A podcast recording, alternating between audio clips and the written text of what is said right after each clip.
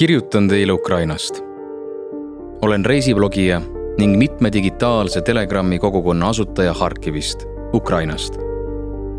Levila jaoks pean päevikut elust sõja ajal. meie juures käiakse vaid reportaaže tegemas, aga süüa ei too keegi. istusin kord ja mõtisklesin selle üle, kuidas välismaal asunud ukrainlased sõja puhkemist moraalselt ja psühholoogiliselt üle elasid. nii need, kes juba ammu võõrsile siirdunud, kui ka need, kes sõja eelõhtul talvepuhkusele sõitsid. mulle tundub, et minul oli kodumaal, oma kodulinnas kergem sõda vastu võtta. ma ei kujuta ette, kuidas oleksin võõrsil muretsenud Ukrainasse jäänud sugulaste ja sõprade pärast. aga kontekstis viibides saad aidata ja teha kõik võimalikku oma lähedaste turvatunde tagamiseks sedasi võid oma psühholoogilist koormat natukenegi kergemaks saada. mu oletus leidis kinnitust, kui kohtasin Iirat. Iira elab juba ammu Tšehhis ning viibis sõja puhkedes Prahas. täielik teadmatus, mida teha ja kuhu joosta, kuidas aidata. niimoodi kirjeldab Iira esimese sõjapäeva hommikut. selliseid ukrainlasi on väga palju, kes elavad ammu Euroopas ja kuulsid sõjast alles kodunt kaugel aga Iira käitumine näitab, et vahet pole, kui ammu ja kui kaugele sa oled ära kolinud. kes on ukrainlaseks sündinud, jääb igavesti ukrainlaseks. Iira ütleb, et ei saa käed rüppes istuda. kui hullunud totalitaarriik päästab sõja valla, kui tankid püüavad tungida Harkivisse nagu tuhande üheksasaja kuuekümne kaheksandal aastal Prahasse. Venemaa on alati tahtnud anastada ja impeeriumi piire laiendada sedaviisi toimib tema teadvus, tunnistame me seda või mitte. kui Iran nägi, kui kaootiliselt töötab Prahas ukrainlaste jaoks loodud humanitaarabikeskus, haaras ta juhtimisohjad enda kätte. mis mind tõeliselt vaimustas, tal jätkus ka kõige rängematel sõjategevuse hetkedel julgust viia humanitaarabi Harkivisse ja Harkivi oblastisse. võib-olla tasub seletada, kui ohtlik ettevõtmine see oli noil päevil ütlesid ka kõige hulljulgemad inimesed, keda ma tean, et nad ei sõida sinna, sest tahavad elada. Need olid inimesed, kes käisid suurtüki ja raketituld trotsides linna põhjaosas. inimesed, kes olid näinud põrgut omaenda silmaga, tulnud välja kujuteldamatult karmidest olukordadest. Nemad keeldusid sõitmast. kuid habras Praha tüdruk, kes on hingelt harkivlanna, leidis, et tema peab sellisel juhul ilmtingimata sõitma selles on oma loogika. sest kui isegi kõige hulljulgemad ei julge sinna sõita, siis ei sõida keegi. aga meie, ukrainlased, hindame üksteise elu ja meie jaoks, nagu see sõda on näidanud, ei ole midagi võimatut. Iira tegi Harkivisse ja Harkivi oblastisse kaks sõitu. esimene kord aprilli lõpus.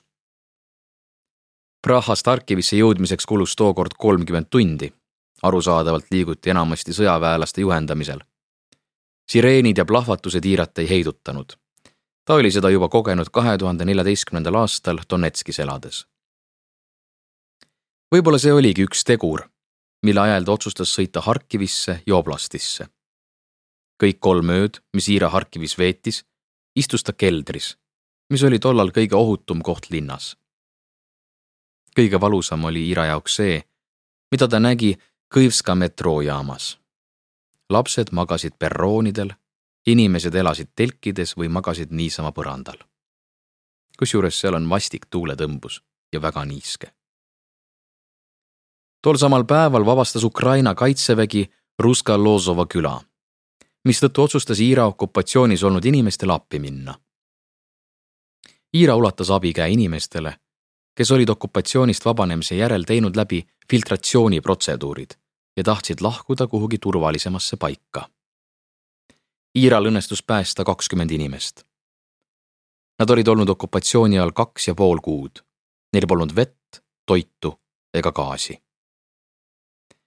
peaaegu kogu aja olid need inimesed istunud keldrites, mis varisesid sisse ning inimesed kaevusid omal jõul varingutest välja. Nende juurde tulid Vene sõdurid, kes võtsid ära viimase toidu võimatu on kirjeldada nende inimeste pilku, kes pääsevad üle pika aja duši alla Ira jaoks oli see raske läbielamine.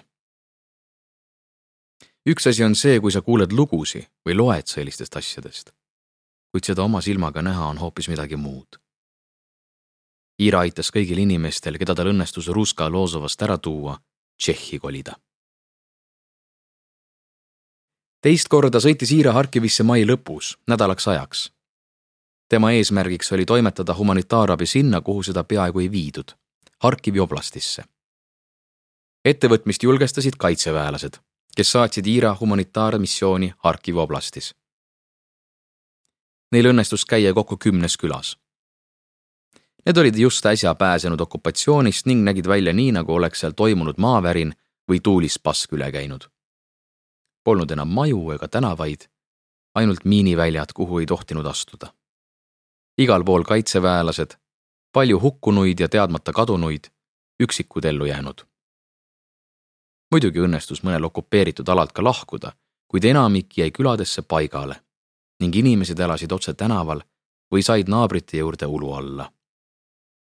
loomulikult rõõmustasid inimesed igasuguse abi üle, sest külades nii öeldigi. meie juurde ei juleta tulla. Meie juures käiakse ainult reportaaže tegemas ja mitte keegi ei too süüa. Iira pidas enda südameasjaks jõuda just nendesse küladesse, kuhu ei julgetud abi toimetada ehkki kõik kartsid minna Harkivi oblastisse, koges Iira kõige hirmsamaid hetki Harkivis endas. nii kui ta linna naasis, puhkes väga intensiivne tulerünnak. tolle maja, kus Iira asus, katuselt lendasid tükid alla. Kuid Iiral oli tarvis viia humanitaarabi laost linna põhjaossa humanitaarkeskusesse ning ta otsustas tulistamisest hoolimata sõita. koos autojuhiga kihutasid nad mürsuplahvatuste saatel mööda üht peatänavat selleks, et inimesed saaksid järgmisel päeval oodatud humanitaarabi kätte. kui Iira sihtkohta jõudis, oli kõik sealkandis suitsu mattunud, elektripostid pikali kukkunud, igal pool ripnesid katkised juhtmed. sel hetkel tormas humanitaarkeskusest välja kiivri ja kuulivestiga neiu ning karjus Iirale ja autojuhile, et nad ruttu varjuksid. hetk pärast seda, kui Iira ja autojuht varjendisse jõudsid, tabas kõrvalhoonet pomm tappes hinnanguliselt kakskümmend inimest. see vahejuhtum jagas Iira elu kaheks, enne ja pärast. ent sellegipoolest ei kavatse ta humanitaarsõitudest Harkivisse loobuda.